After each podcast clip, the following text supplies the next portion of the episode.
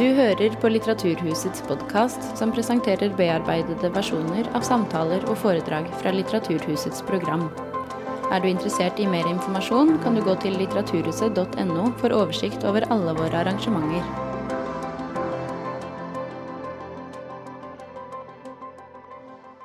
Kjære alle sammen, velkommen til kveldens samtale.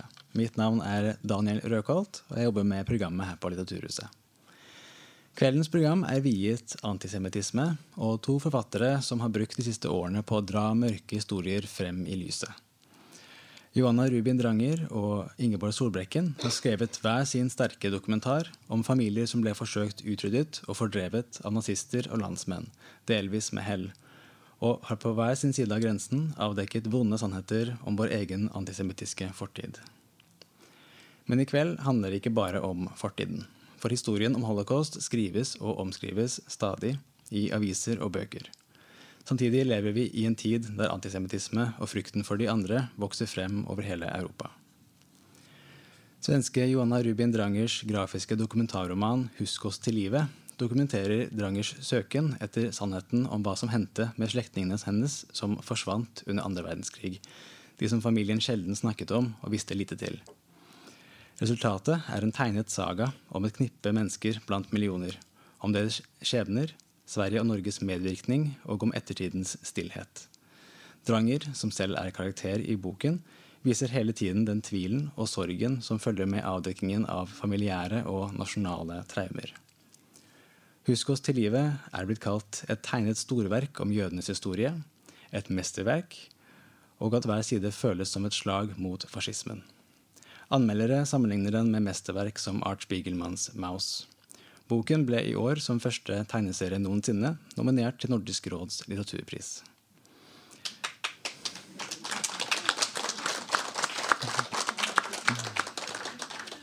Og her hjemme så har mange satt ord på norske jøders erfaringer og antisemittisme. Med 'Jøden og jorden' om Salomon-familiens bosettelse og forfølgelse i Norge har Ingeborg Solbrekken gitt et detaljert eksempel på hvordan norsk antisemittisme gjorde seg gjeldende også utenfor og uavhengig av okkupasjonstiden. 'Jøden og jorden' har bidratt til å løfte viktige diskusjoner om norsk antisemittisme før, under og etter krigen, og har kastet lys på hvordan antisemittismen opplevde da, fortsetter også i dag. Kvelden ledes av forfatter og redaktør i forlaget Tiden, Mattis Øybø. Han har lenger skrevet om litteratur som behandler krig og nasjonale traumer, og har selv bidratt til skjønnlitteraturen om jødeforfølgelsene med romanen 'Den siste overlevende er død' i 2021. Vi deler kveldens samtale i to, hvor Johanne og Mattis først får omtrent en halv time til å snakke om Husk oss til livet og arbeide med den. Så inviterer vi Ingeborg til å ta den tredje stolen og ta del i en utvidet samtale om å skrive om holocaust i dag. Så først, ta godt imot Johanna Rubin Dranger og Mattis Øybø.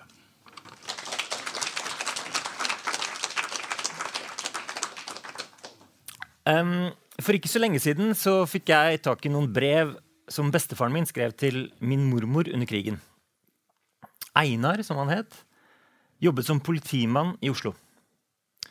Om sommeren tok min mormor min mor med til familien hennes i Grimstad, mens Einar ble igjen i byen for å jobbe. Og 20.07.1941 så skriver han. Kjære Liv. Jeg har nettopp hatt besøk av min venn Tyrkheimer fra Ålvik i Hardanger.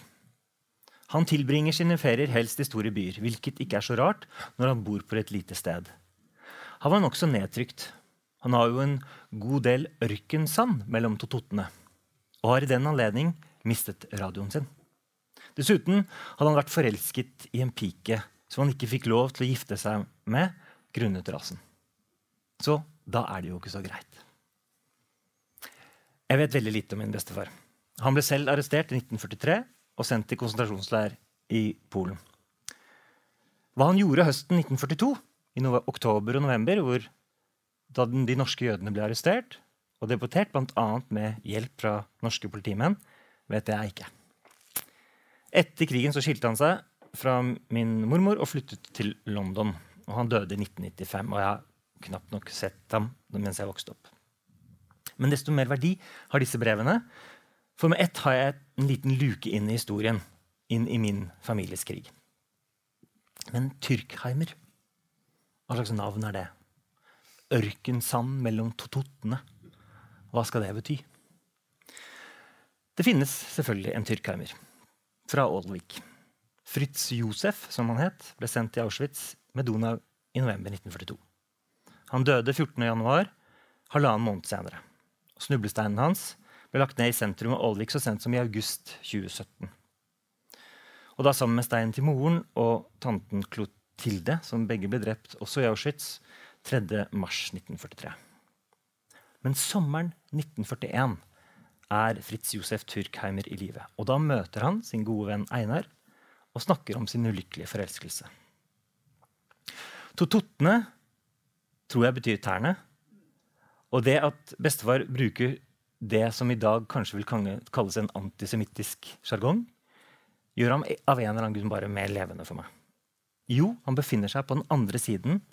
Skjebnen skiller en Tyrkheimer og en Edvardsen, som han het i etternavn.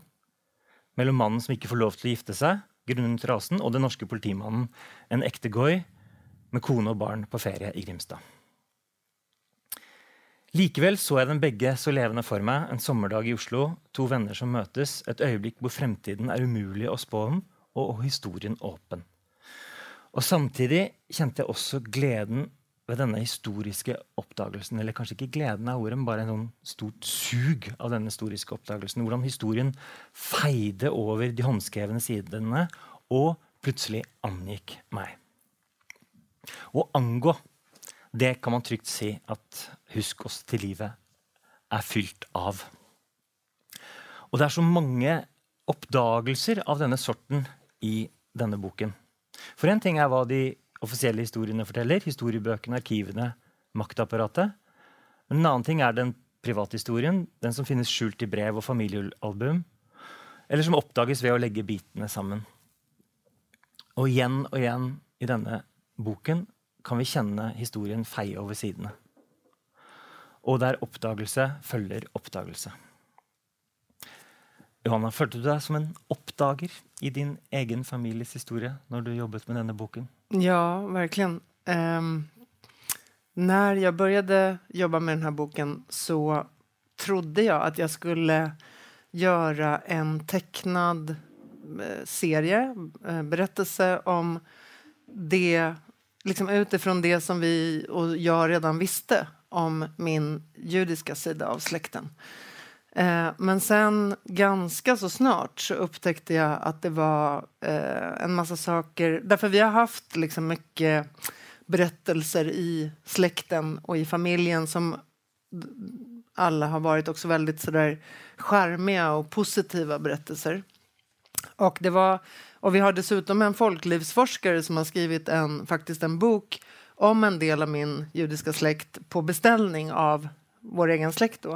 Eh, så jag hade också källmaterial i den här boken och jag hade intervjuer med min mormor och hennes syskon från 80-talet som jag hade eh, lyssnat på många gånger. Så, och brev och allt möjligt hade jag som jag tänkte ah, det här ska jag göra kring. Och det var där det började. Och sen upptäckte jag ganska snart att det saknades personer och det saknades pusselbitar. Eh, och då började jag liksom leta och undra. Och, mm. och sen efter det så var det bara som att det var eh, hur mycket som helst som vi inte har och på väldigt många olika plan som vi inte har känt till och förstått och som, eh, som blev som eh, uppenbarelser för mig eller som chockerade mig på, på olika sätt. Och även det material som jag började då också samtidigt ungefär parallellt eh, läsa om vad hände i Sverige under kriget och vad hände i världen. Jag tyckte att jag var ganska allmänbildad om förintelsen och sådär. Kanske mm. mer än så här, gemene än i Sverige. Men, men det visade ju sig att det fanns hur mycket som helst som jag blev helt chockerad över. Mm. Och jag tänkte då också att om jag inte vet det här och jag pratar med min man om han och jag inte har aldrig hört talas om alla de här sakerna som jag upptäckte liksom så här eh, under fyra års tid när jag jobbade med det eh, så måste det också vara så att väldigt många andra svenskar inte känner till de här sakerna. Så det var både att jag var chockerad över det jag upptäckte om min släkt och familj men också om det om vår gemensamma historia. Mm. Men eh, For det er jo det som slår en når man eh, jeg, jeg, jeg fikk også veldig til å tenke på min, hvor, st hvor stor er egentlig en familie? Den er jo egentlig enormt stor. Altså, det er rikdommen Ja. i denne familiebeskrivelsen som jeg måte er så slående ved en av de mange slående tingene ved boken. Og ikke minst også det faktum at det er en global historie. Ja. Ikke sant? Den, den begynner i Sverige, men den, den bare vokser og vokser og vokser. Og vi er jo, vi er jo langt Vi er i Amerika, vi er i Russland, vi er, vi er overalt, egentlig. Og Israel. Og Israel, ja. selvfølgelig. Ehm, ja. Nej, men och hela, hela det här bokprojektet var också så. Jag hade ju ingen aning när jag började. Jag visste inte heller att någon i vår familj eller släkt var drabbade av eh, Holocaust. Eh, jag trodde att Holocaust, eller så som det har pratats om Holocaust i vår släkt så har det varit att vi hade kunnat vara drabbas av Holocaust på grund av det här judiska arvet. Men det hade aldrig sagts överhuvudtaget eller påskinit eller framkommit att vi var drabbade. Utan det som var var ju att man pratade om vissa personer som att de försvann under kriget. Eh, och det som jag och mina släktingar förstod det som i hög grad skulle man kunna säga är eh, att det betydde liksom, när det är krig så är det kaos, så blir det kaos och då kan det hända att människor försvinner och man vet inte vad som hände med dem.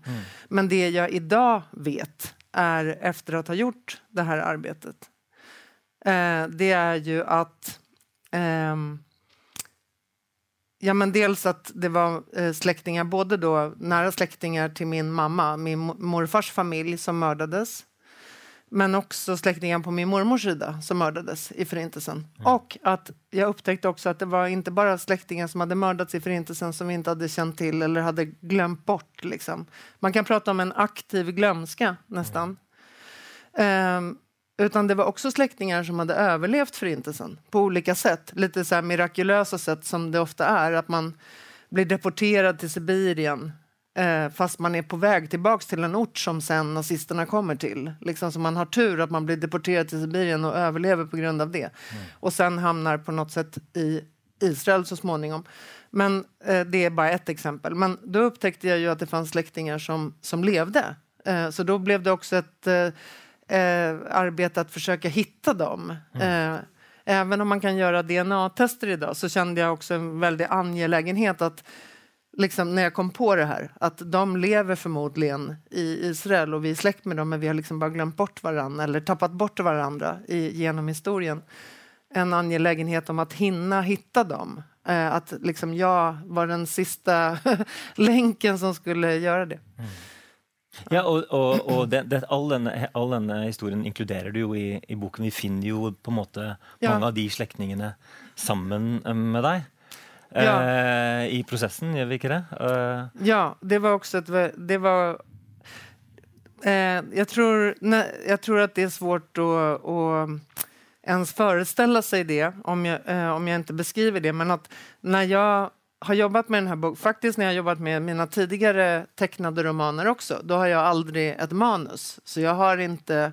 Jag vet inte vad som är A och vad som är Ö och vad som ska hända däremellan. Utan och jag tror att det hänger ihop med också att jag kommer ju från liksom bildkonst eller konstskolor.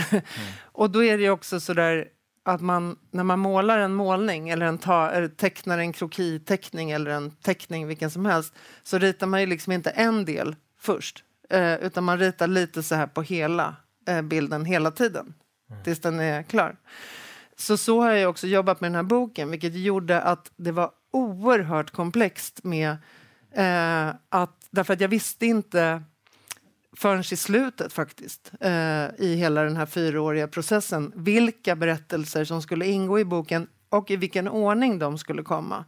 Men jag, behövde, jag kände hela tiden att jag behövde eh, berätta för läsaren eh, så att läsaren å ena sidan har min förkunskap om olika saker så att man också förstår när jag inte eh, känner till saker och hur chockerande de här sakerna som jag inte känner till är. Och för att kunna få läsaren att känna av det så måste ju de också på något sätt... Ja, det var, det var super... Eh, verkligen.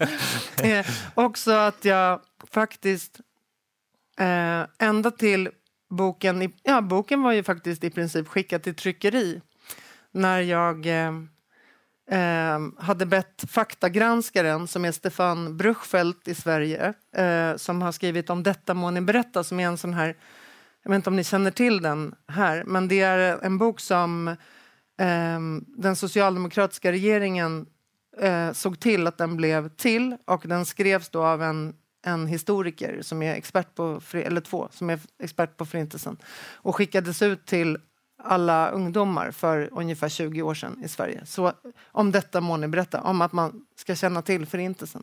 Ett fantastiskt projekt. Mm. Den historikern, Stefan Bruchfeldt, han faktagranskade min bok och det var oerhört viktigt därför att om man skriver om antisemitism, om Förintelsen och om den här typen av saker så måste allting vara rätt. Eh, eftersom det är så eh, Ja, det kan bli brukt som ett vapen mot, ja, mot, hela, du, mot allt, allt sammen, ja. det är något fel. Ja. Eh, och i, eh, det finns ju en berättelse i boken som handlar om mina släktingar i Norge och ockupationen av Norge. Och den hade då Marte Michelet, eh, fakt eller hon faktagranskade den. Jeg jag, var också, jag använder också hennes Förintelsen i Norge som eh, var en viktig källa för boken. Mm. och då träffades jag och Marte eh, och hon gick igenom och då hade hon läst hela boken fast hon bara behövde läsa eh, sin del. Sin mm. del. Mm. Eh, og så gikk vi ut og drakk vin og åt mat og hadde det jättetrevligt og satt og pratet om livet. Og da berättade jeg for henne om når jeg var 16 år og gikk og konfirmerade meg kristet og hvordan det ledde til at jeg började upptäcka min judiske identitet på olika sätt. Så blev det så. Eh, og at vi hadde det her judiske arvet i, i, i, familjen og hva det kunne betyda och sådär. Och då sa han, men det er jo ikke med i boken, Hvorfor er det ikke med? Mm. Och då tänkte jag, nej det, vet, det har jag inte tänkt på. Och, och, så gick jag, och så gick jag hem och då visste jag att det var så här, när man trycker en bok så kan det bli så att ja, det finns nio tomma ark i slut, liksom, som, mm. som det inte är någonting på. Och där kan man lägga en tryckort och man kan lägga en extra smutstitel och sådär. Och då, då insåg jag att de här sidorna, jag kan ju försöka rita in det liksom nu bara jättesnabbt. Och de är ju oerhört viktiga eh, för förståelsen av, av boken och var jag kommer ifrån och resten av berättelsen sen. Så så kan det se ut, liksom att det är inte så... Det är en väldigt dynamisk process, hela skapandet. Eh. Men, men det at du ønsket å bringe Altså ta din prosess med inn i, i boken, at du er en karakter mm. i boken, du, du, din familie er en karakter mm. i boken. Det reflekteres veldig mye om prosjektet. Mm. Um, det ligger jo noen farer i det, ikke sant? For, at, fordi den din, altså deres historie, de som du leter opp, den er jo veldig mye mer dramatisk enn din. ikke sant? Det ligger noen sånne eh, fallgruver, da? Den er, den er, ikke det? Syns du ikke det? Nei, det syns jeg ikke. Uh, Men hva, hva, var avveiningen med på en måte å ikke å liksom. For jeg vet at det er mange mm. andre dokumentar eh, som skriver tegneserier og, som, og dokumentarister, mm. unngår veldig bevisst sin egen posisjon for å måte, få frem historien fra de mm. andre.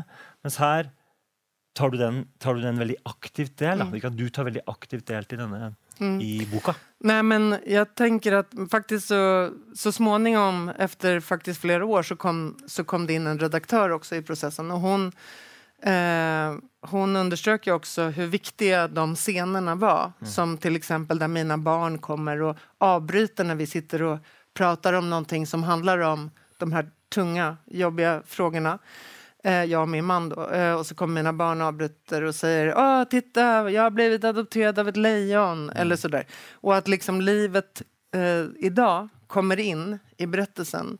Eh, och jag tänker nog att jag hade tyvärr liksom riskerat att göra för lite såna om det inte hade varit tack vare min redaktör. Eh, men jag tycker att det är en oerhört viktig del därför att eh, Därför att för, för, för, på flera plan. Därför att eh, en del av det är att för mig var liksom en av de mest chockerande sakerna var ju att vi inte har vetat om någonting av det här. Och hur har vi inte kunnat veta det? Och det, eh, det är ju det handlar om så här, hur fungerar minnet. Det handlar om kanske en aktiv glömska. Att man vill inte identifiera sig. Min mamma till exempel som inte lever längre. Eh, hon ville verkligen in, inte på något sätt identifiera sig som ett offer. Mm. Så det hade inte heller passat hennes hela livshållning om hon hade förstått och vetat allt det här. Som, sen tror jag hon hade varit jätteglad och stolt över yeah. min bok. Men, liksom, eh, men förutom det så er det også Og så kan jeg jo si at det går jo igjen i veldig mange av karakterene i, i boken som de, de, sa ingenting, beklager, vi vet ingenting. For, foreldrene våre sa ingenting. Altså dette, denne, denne liksom gjenkjennelige eh, mm. problemstillingen med at eh, de som var utsatt for forintelsen, snakket ikke om det til barna sine, og derfor ble det et sånn taushetsbånd i den generasjonen. Og så er det jo da opp til mm. barnebarna da, å på en måte hente frem den. Mm. Och det er jo din rolle i, i uh, boka. Ja, det handler ju dels om det här med så här nedärvd rädsla mm. eh, och nedärvd, eh, en nedärvd mörker eh, som, som jag inte uttryckligen säger eh, att jag vet exakt hur det hänger ihop. Men jeg jag, jag ser ju liksom... Eh, jag, drar, jag, gör, jag visar på att det kan absolut finnas paralleller även om jag inte exakt vet hur allt hänger ihop. Men också att, som en recensent skrev när boken kom ut, som jag tyckte var väldigt intressant och som jag själv inte hade tänkt på, att Maus, som ju ni säkert känner till av Art Spiegelman, som är den här eh, ja, men, fantastiska boken om Förintelsen som verkligen förändrade också hela seriemediet och som jag har med i min bok. Mm som en tydelig referens for at den har vært veldig betydelsefull. Den boken handler om og er, en eh, vittnes, et vittnesmål berettet for sin son som er Art Spiegelman. Så det er liksom den overlevendes berettelse. Medan min bok handler precis om det motsatta egentligen, nemlig der det ikke finnes noen overlevende som kan berette. Mm. Vilket jo også er den tid som nu kommer komma. Men där det är till exempel min familj och släkt men också jättemånga andra familjer och släkter har varit så att det finns sen 20 år eller 30 år tillbaks ingen som kan berätta. Eh, därför att de personerna som visste noe de sa ingenting så länge, så länge de levde. Mm. Eh, så den handlar ju väldigt mycket om det, om allt som vi inte vet. Ja, og, og at, du på en måte, eller at uh, du må ta ansvar for den berettelsen. At, at uh, du må samle disse tingene sammen. Uh, det er din jobb å lage, finne disse forbindelseslinjene. Jeg tenkte særlig på den som For dere som ikke har lest boken, så er det et øyeblikk der hvor du finner navnet på et barn. Mm. Mm. og da brakk jeg Da, da, da datt jeg sammen, altså. Merket jeg. For av, av Mm. Da ble jeg så, så, ble så rørt av, av, det.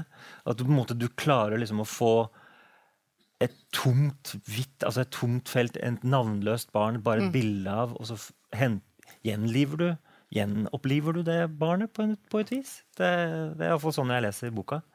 Altså når den, når den, kommer, og du på en måte mm. finner fram hvem mm. det egentlig er, da, og hva navnet er. Inför det här samtalet så skickade du lite tankar om så här, mm. vad vi skulle prate om. Eh, och en av de frågorna handlar just om bilder, om liksom dels relationen, för att i min bok så har jag både fotografier och tecknade bilder och det finns också andra material som brev och eh, ja, men liknande.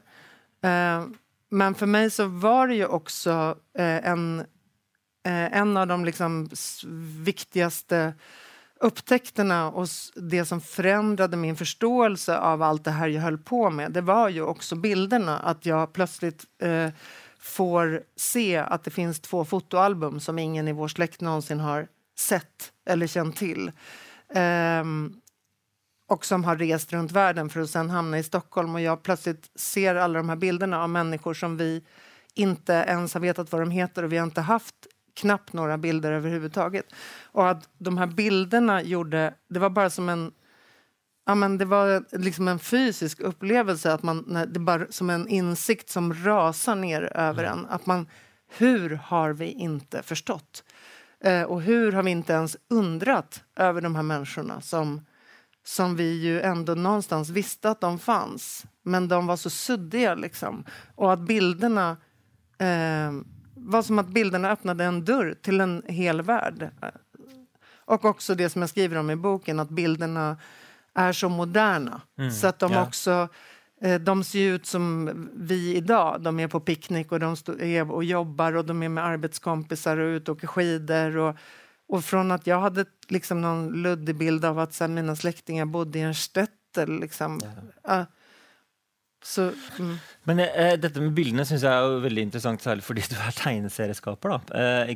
Og at det finnes noen sånne eh, Noen bilder er jo eh, reprodusert som fotografier, Mm. mens noen, ganske mange bilder har du tegnet. Mm. Eh, og, og avveiningen i de hvorf, Hvorfor det, egentlig? Altså, hva, hva, Mm. det, hva tenker du om de der valgene du tar der? Jo, eh, under lång tid när jag höll på med det här så visste jag inte hur ska jag gestalta det här materialet. Jag visste att jag tyckte att materialet var superviktigt och intressant också för att det har så mycket kopplingar till vår egen tid på massor med olika sätt. Inte för att det specifikt handlar om mina släktingar utan för att det uh, gestaltar en mycket bredare berättelse som rör liksom, oss alla på olika sätt. Men jag förstod inte alls hur jag skulle gestalta det.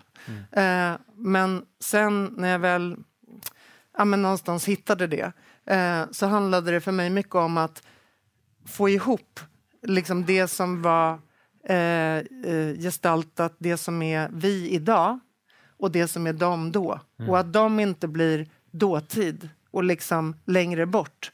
Och jag och vi idag eh, tydliga och nära och lätta att känna empati med. Utan att vi skulle liksom Ja, flyta Ja. ihop och bli alla i, på ett sätt jag tänkte inte, jo men sam, på samma plan liksom, av, av att vara levande. Eller man ska säga. Ihågkom oss till liv heter den ju också. Eller husk oss till liv. Ja, for det finnes jo mange det er interessante ikke sant? Altså, Maus er jo, Der finnes det tror jeg bare ett fotografi helt mot slutten av, det, av- ikke sant? av av, Vladek, barnet. nei, av Vladek, tror jeg. Ja, men det Eh, finns väl också ett det fotografi ja, av gör det, barnet det som dog det det. faktiskt som är hans bror Ja, det stemmer. Stemmer. Så det er liksom det er, det er veldig få bilder, da, men veldig nøye plassert. Mens her har du på en måte en litt annen estetikk, eller annet på en måte, forhold Mm. Ja, helt, til dokumentene. ja. Mm. Ja. Men eh, eh, et siste spørsmål før vi skal gå videre, Mm. er Var det noe du ikke ville tegne? Altså det finnes, Når man går inn i holocaust Mm. og, og går inn i forintelsen, så finnes det fort kommer du borti noen sånne slags billedtabuer. ikke sant? Noe man kanskje ikke skal gå inn på, noe man holder litt på avstand, som jo på en måte er de, de mest forferdelige tingene. da. Som du jeg ofte vill, ser. Jeg ville ikke tegne de bilder som, vi har, som har repeterats. Ja. Därför att de blir jo noe annet enn Eh, de får jo liksom en annen Eh, de havner i et annet plan for at vi har sett dem så mange ganger. Mm. Men eh, sen ville jeg sen, det var veldig interessant att eh, faktagranskaren Stefan Bruchfeldt som jag nämnde tidigare, han återkom till mig när jag hade skickat materialet och så sa han så här. ehm, jag har inte alls läst klart ännu, men jag vill bara säga att på den här, den här sidan så har du tecknat den här fasaden på Odengatan. Och jag tror inte den stämmer riktigt. Och då hade jag gått, Odengatan är samma gata jag bor på. Jag hade stål, ställt mig där och fotat det. Eh, och, sådär. och han såg att det var någonting med ett litet burspråk som inte exakt stämde. Alltså han tittade också på bilderna och det hade jag inte ens tänkt på. Jag hade tänkt att han skulle läsa årtal och se att alla begrepp var korrekta. Och. Men och då senare när han läste så påpekade han att eh, vissa scener som liksom där det är så massmord till exempel i Östeuropa eh, så sa han, jag tror inte det såg riktigt ut så där för det här och det här och det här. Det finns inga, existerar inga foton Nej. av det här som har hänt. Och då är det ju och då hade inte jag, det hade inte slagit mig att jag hade liksom gjort mycket bildresearch men då har jag ju sett bilder från andra platser i Östeuropa kanske från en an, helt annan situation och så har jag liksom så då, det var väldigt viktigt att han påpekade det, att man liksom också har föreställningar om hur något ser ut som kanske inte såg ut så. Eh, så då justerade jag det. Ehm, och ja, var det något mer? Något som man inte ville teckna? Ja, just det. Ja. Vi skal gå videre i programmet. Ingeborg, eh, vil du gjerne komme opp hit, så skal vi eh, få snakke litt med deg òg. For det fantes altså en gårdbruker i Vang i Valdres som het Hans Salomon. Jeg får nesten lyst til å si det var en gang. Altså, eh, fordi det er i dette eventyrlandskapet som finnes der oppe. Eh, og det var heller ikke hvilken som helst gård eh, han var eier av. Nei, det var Sørre Leirhol, den såkalte riddergården. Og som altså lå i det landskapet som kan ta pusten av de fleste, og som kanskje også er noe, et landskap vi identifiserer med noe av det norskeste som fins. Og dette norskeste tror jeg vi skal eh, snakke litt om eh, snart. Men først um, Utgangspunktet for din bok Ingeborg, var jo også en oppdagelse, eller iallfall et brev som du fikk tilsendt, som du gjengir i åpningen av boken. Um, hvor det står om de, den antisemittismen som Hans Salomon ble utsatt for. Og så skriver du hvilken historie ligger her, hva kan ha skjedd. Bare, hvorfor, hvorfor ble du så fascinert og ønsket å gå i gang med den fortellingen? Ja, det var jo forskjellige dokumenter som jeg fant rundt omkring, bl.a. i bygdebøker og ulike arkiver, hvor det fremgikk så veldig tydelig at her er det noe man ikke egentlig har villet skrive om. Det er noe skjult her. Og min erfaring er at det vi prøver å fordekke, under der så ligger det gjerne noe betent og betennelsestilstander, enten de er i et samfunnslegeme eller i et individ. Det er jo noe som er veldig skadelig, og som kan utvikle seg til å bli noe enda skadeligere, så det bør jo behandles. Og en, Terapeutisk historie, historieskrivers oppgave er jo på en måte å behandle en historie som ikke er Ja, elte den og få den fortalt. Men hvem var da Hans Salomon? Han var en Han var jo jødisk fordi begge hans foreldre var, eh, var jødiske. Men han er født i Kristiania? Han er født i Kristiania. Ja. Hans uh, foreldre, hans far, drev uh, skofabrikk der. Men han flyttet jo fra Norge da han var ti år. Men han hadde et veldig idealistisk og romantisert forhold til Norge, fordi dette var jo en familie som dyrket friluftsliv. Og jeg tror også som hadde det hatt det relativt fint her. Så de hadde opplevd Norge veldig fra solsiden, og derfor så var det jo da, når vi kommer så langt som til 39, hvor denne brannen i, i eh, Mellom-Europa virkelig har brutt ut, og den var denne familien da veldig klar over, og de visste hva den innebar. Så så man på Norge som et slags eh, paradisisk eventyrrike, så hvis man kom seg dit, så var man på en måte trygg fra nazismen. Det var kanskje den eh, forferdeligste illusjonen som de spaserte inn i. Men så begynner han så blir han, Du skriver jo veldig fint om dette med lengselen etter dette norske. da, eh, Og den ideen om dette norske som, som et sted å faktisk flykte til. Eh, men så møter han jo veldig fort på problemer med å tilegne seg denne gården. Altså, eh, det er en berømt gård, i, eller en, en flott gård i dette området. Og mange, han møter mye motstand. Da. Kan du si litt om den motstanden han møter som før krigen begynner? Ja, det som er før krigen, er jo litt spesielt, fordi dette er jo et samfunn som, hvor de fleste aldri har sett et jødisk menneske. Altså Det jødiske er ikke noe begrep på noen som helst måte, og det har heller ikke vært noe stor antisemittisk innflytelse der som er tydelig. Så man kan si at det som i første gang, omgang kanskje er, det er en slags biologisk fremmedfrykt. Fordi vi står her overfor et samfunn hvor folk har vært jordbundne gjennom odels- og åseterett i kan du si 300-400 år. hvor slektens rekker har kommet til på en gård, og, og de gamle har da blitt eh, gravlagt i kirkegården like ved. Og, så det har vært en slags sirkulasjon av fødsel og død i bestemte slekter over veldig mange hundre år. Og de er jo vant til turister, for de, liker jo at folk kommer dit og, og, og, beundrer deres natur og legger igjen penger og sånne ting. Men de slår seg jo ikke til. De kommer til bestemte tider, og så reiser de igjen. Men at noen da plutselig kommer dit og slår seg til på en gård, altså at de tar en slags jordrett det er en ganske annen affære. Og det var jo også veldig vanskelig å få kjøpt gårder på den tiden, fordi mm, det var jo odelsgårder, så de fulgte slekten. Og her var det jo da et veldig spesielt tilfelle hvor en odelsgård var gått ut av slekten ved en konkurs. Mm.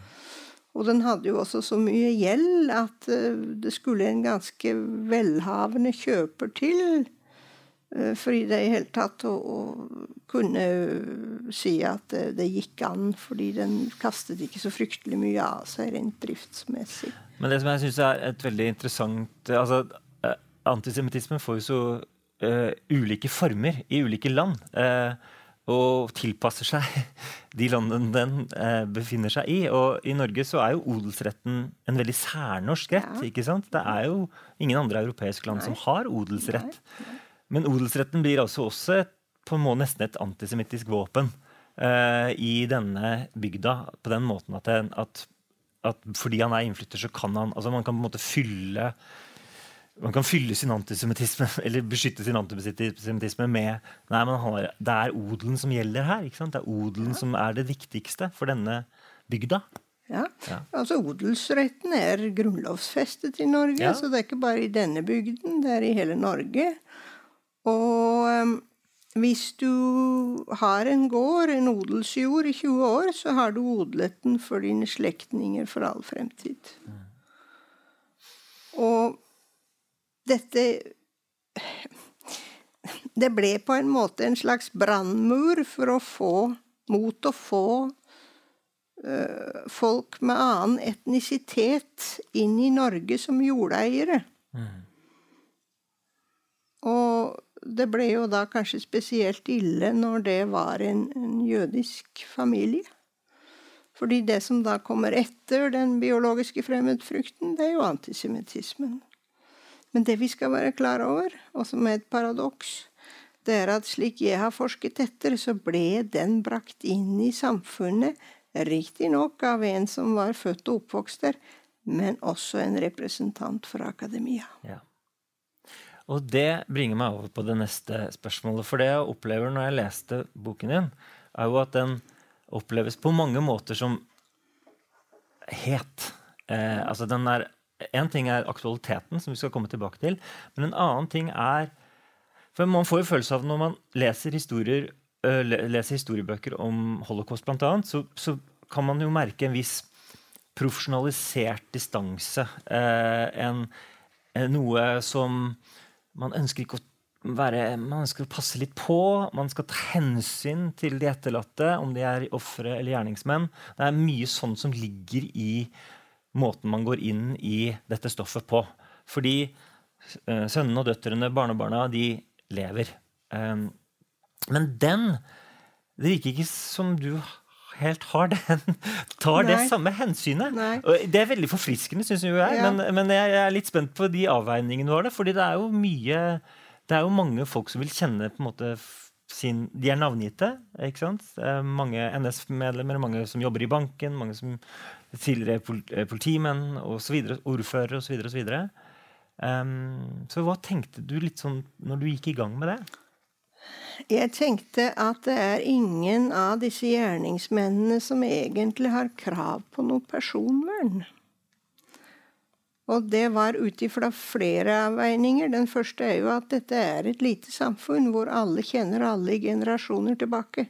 Så det å begynne å anonymisere en banksjef, en ordfører, sånn, det er jo bare tull. For alle vet jo hvem det er allikevel. Og dessuten så er det jo det de har gjort. Det er stort sett å finne i landssviksakene deres, som alle i dag kan sitte på sin PC og lese gjennom Arkivverket. Og det andre er at dette er en historie som etterlater seg mange sivile rettssaker. Og de har jo mange dokumenter. Og retten er jo ganske god til å vekte bevisets stilling, vitneutsagn osv. Så, så man er på ganske trygg grunn når man gjengir det som er der. Og, men det fins jo også historier jeg har vært borti i arkivene som jeg ikke har gjengitt, fordi jeg syns de var for dårlig kildebelagt. Men hva var responsen? på en måte? Du har jo vært mye der oppe. Du har vært i denne, det er en, en kommune hvor det fortsatt er tett forhold, vil jeg vel anta. Altså, Hva har responsen vært på, på denne avdekkingen? Altså, jeg har i min øh, forskning holdt meg helt vekk fra det bygdesamfunnet. Jeg har ikke kontaktet noen der oppe. Uh, men da denne boken kom, og den var varslet, så har vi en veldig oppegående lokalavis der med en veldig urett og samfunnsengasjert eh, redaktør som syntes at dette var veldig viktig å bringe til torgs. Og den avisa Valdres den hadde da en rekke artikler, og folk ble veldig engasjerte, også der oppe. Og til det møtet i Vang så kom det jo hele 280 personer. Mm -hmm. Og mange av dem hadde visst kommet og vært både redde og skamfulle og litt av hvert for hva dette var, og hva som ville komme frem, osv. om deres slektninger. Og når man står i en slik situasjon, så var det eneste jeg kunne si med en stor tyngde til dere, at befri dere fra slekten. Og det fikk et enormt bifall fra salen. altså, de, Som de følte seg virkelig at åh, skal vi slippe å ha noe med dem å gjøre? Liksom at, og, og, det tror jeg er veldig viktig, fordi det at vi eh, tar på oss skyld og skam for det andre har gjort, og det våre forfedre, foreldre har gjort, det bygger jo på en projektiv identifisering med dem som egentlig er en illusjon. Fordi de er andre individer, de er ikke oss. Så uh, det er viktig at man fristiller etterkommere, og ikke pålegger de uh, skyld og skam, for de har absolutt ikke noe med denne historien å gjøre. Og det beste vi kan gjøre med slike historier, det er å lære av dem. fordi det òg at vi skal påta oss skyld og skam for hva andre har gjort, jeg tror ikke det bringer holocaustforskningen videre. Og det kan best føre som regel bare til at folk blir deprimerte. Og hvorfor skal vi være det? Det er um men det som er det, Jeg tenker også at det, det er liksom en utvikling da, i den norske uh, holocaustforskningen. Uh, og som kanskje er, er noe som uh, foregår flere steder i Europa. Det tror jeg er at, er at vi nærmer oss en antisemittismen og forskningen på antisemittismen i Norge på 30- og 40-tallet. Uh, eh, og som du også skriver om i boken din, Johanna, uh, om antisemittismen i Sverige. Så Det har kommet mye mer opp på agendaen. ikke sant? Og plutselig så blir skillelinjene litt andre. ikke sant? Altså Du kan Torstein hva heter han? Torstein Høverstad, ja. som er akademikeren du nevnte. Ja, ja. Han var jo både antinazist, men også antisemitt. Og den posisjonen er faktisk mulig å ta, viser det seg da. ikke sant? Um, men da tenker jeg at hva gjør dette med våre, våre nasjonale selvbilder, da? ikke sant? Altså, I Sverige, f.eks. Hvor, hvor kjent For jeg syns jo du gjør en veldig flott oppgave med å gjøre kjent hvor present eh, Tyskland var i Sverige. Hvor present ettergivenheten eh, av svenske myndighetenes ettergivenhet overfor Tyskland var i Sverige, og antisemittismen. hvor altså Det at det ble lagd lister over mm. familien din osv. Altså, hvor kjent er dette stoffet i Sverige i dag? Mm. Nei, men eh, de historiske og politiske fakta de finnes jo eh, skrevet av svenske historikere, men gemene en kjenner jo de allra flesta inte till eh, liksom allt det här som jag skriver om, eh, som handlar om det här. Men eh, jag oroade mig också väldigt, väldigt, det var det jag oroade mig för. Jag oroade mig inte för det du var inne på förut med det här med att hur mycket jag är med. men jag oroade mig oerhört mycket för att, jag skulle, att boken skulle bli nersablad på grund av den, att den, att den liksom kritiserar den nationella självbilden. Ja, Så jag var väldigt, väldigt, väldigt orolig för det. Men det har faktiskt inte alls hänt ännu. mm. Men jag tycker också att det, du, det ni pratar om med det här upprördheten. mm. For för mig är det oerhört, oerhört viktigt. Att det var också en sak som jag blev upprörd over över när jag läste då väldigt mycket material. Alltså historiska källor och eh, historier, his, histor, svenska historikers böcker och så. Att det är väldigt mycket intressant information men det är som att det inte riktigt alltid sitter ihop med eh, hur det drabbade offren. Eh, och det, det är det jag vill och hoppas att jag gör i min bok. Att genom att både berätta de här personliga historierna och om det politiska och historiska så blir det inte bara politiska beslut som har fattats och de kunde ha fattats på det sättet eller de kunde ha fattats på det sättet. Eh, utan det blir liksom eh, människors liv som det påverkar och att det blir all, liksom uppenbart hela tiden en påminnelse om de eh, som drabbades av de här besluten. Mm. Men, och, och att det är väldigt, för mig är det väldigt eh, eh, hoppfullt när, eh, när man känner en upprördhet när, i texter som handlar om de här sakerna därför att det är på sin plats. liksom.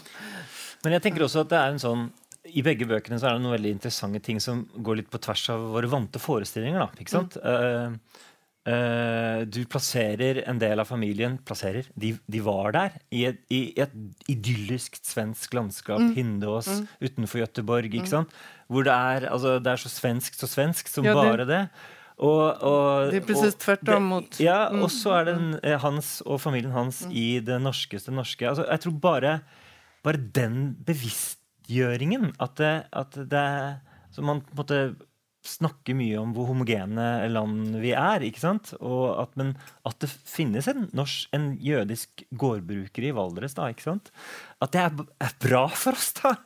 På en måte, fordi det rykker noe ved noen veldig, veldig fasttømrede forestillinger har om hva slags land vi lever i.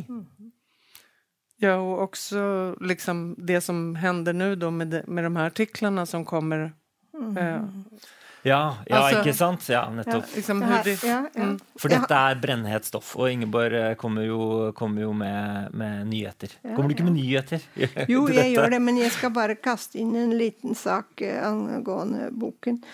Eh, Det er jo slik Jeg er ingen holocaustforsker, men jeg mener at flere av dem hevder at uh, uh, disse antisemittiske forestillingene er en konstruksjon. Altså at de er forestillinger uh, vi gjør oss om et folk eller mennesker. Og i Vang så var det da en eldre nabo som kom til fru Salomon og sa ganske så ærlig at på sin dialekt at 'jeg hadde aldri sett en jøde før jeg så en Salomon, og jeg ser ingen forskjell'. Så hun hadde da vært borte og gjort en selvstendig undersøkelse. altså hun hadde sett hvordan ser dette mennesket ut. Agerer det på en spesiell måte? Hva sier det, hva gjør det? Og hennes konklusjon var Og bønder var jo veldig sansemessig oppegående, fordi det, de måtte sanse og handle og sanse og handle hele tiden. Og hennes konklusjon er at nei, dette ser akkurat ut som et helt vanlig menneske, sånn som vi har her. Det er ingen forskjell. Og da kan man tenke på hvilken forskjell det er på hennes selvstendige, fordomsfrie undersøkelse, og de som sitter på kommunehuset, og som heller ikke har sett en jøde før, men som sitter og leser Fritt Folk og er medlem i NS, og lager seg alle mulige konstruerte forestillinger om hvem denne mannen er. Og der ligger det en sånn veldig vesensforskjell. Nej, men det, får jag hoppa ja. in där?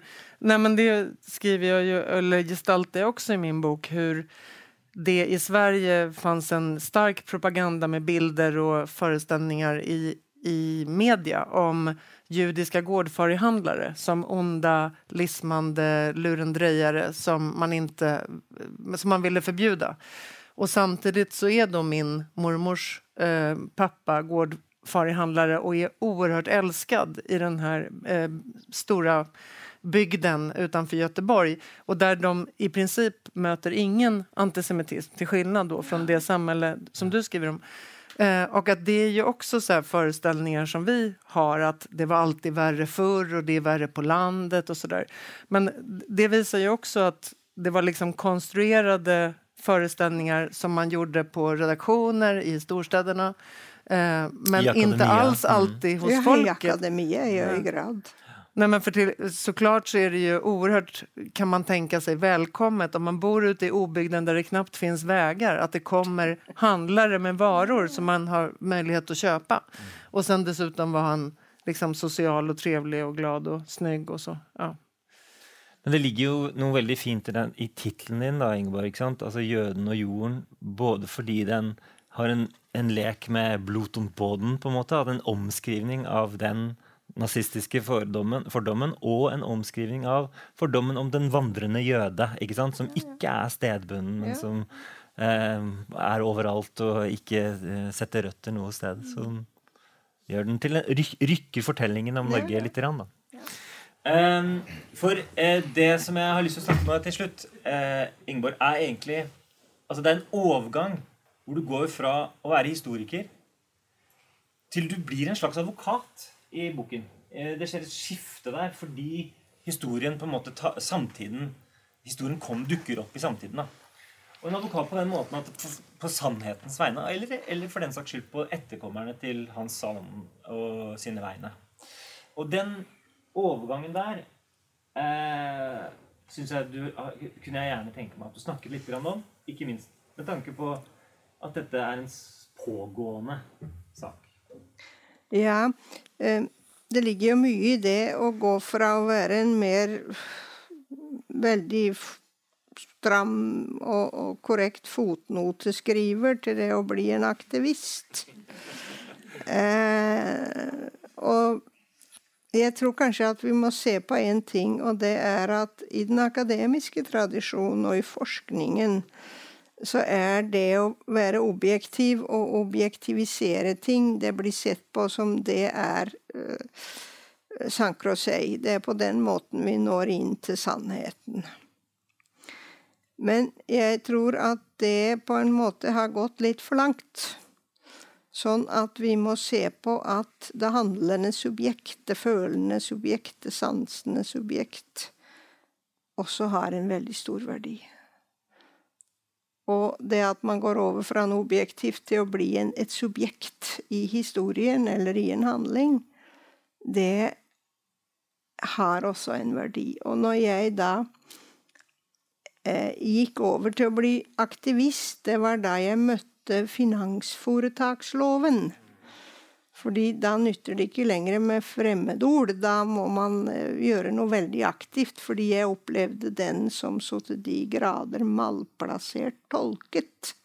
Fordi slik finansforetaksloven tolkes i dag, så er det litt konstruert. Fordi taushetsplikten der skal beskytte kunder i, bank, i banken mot eh, at man får innsyn i deres penger og, og andre personlige ting. Og det er jo rimelig nok.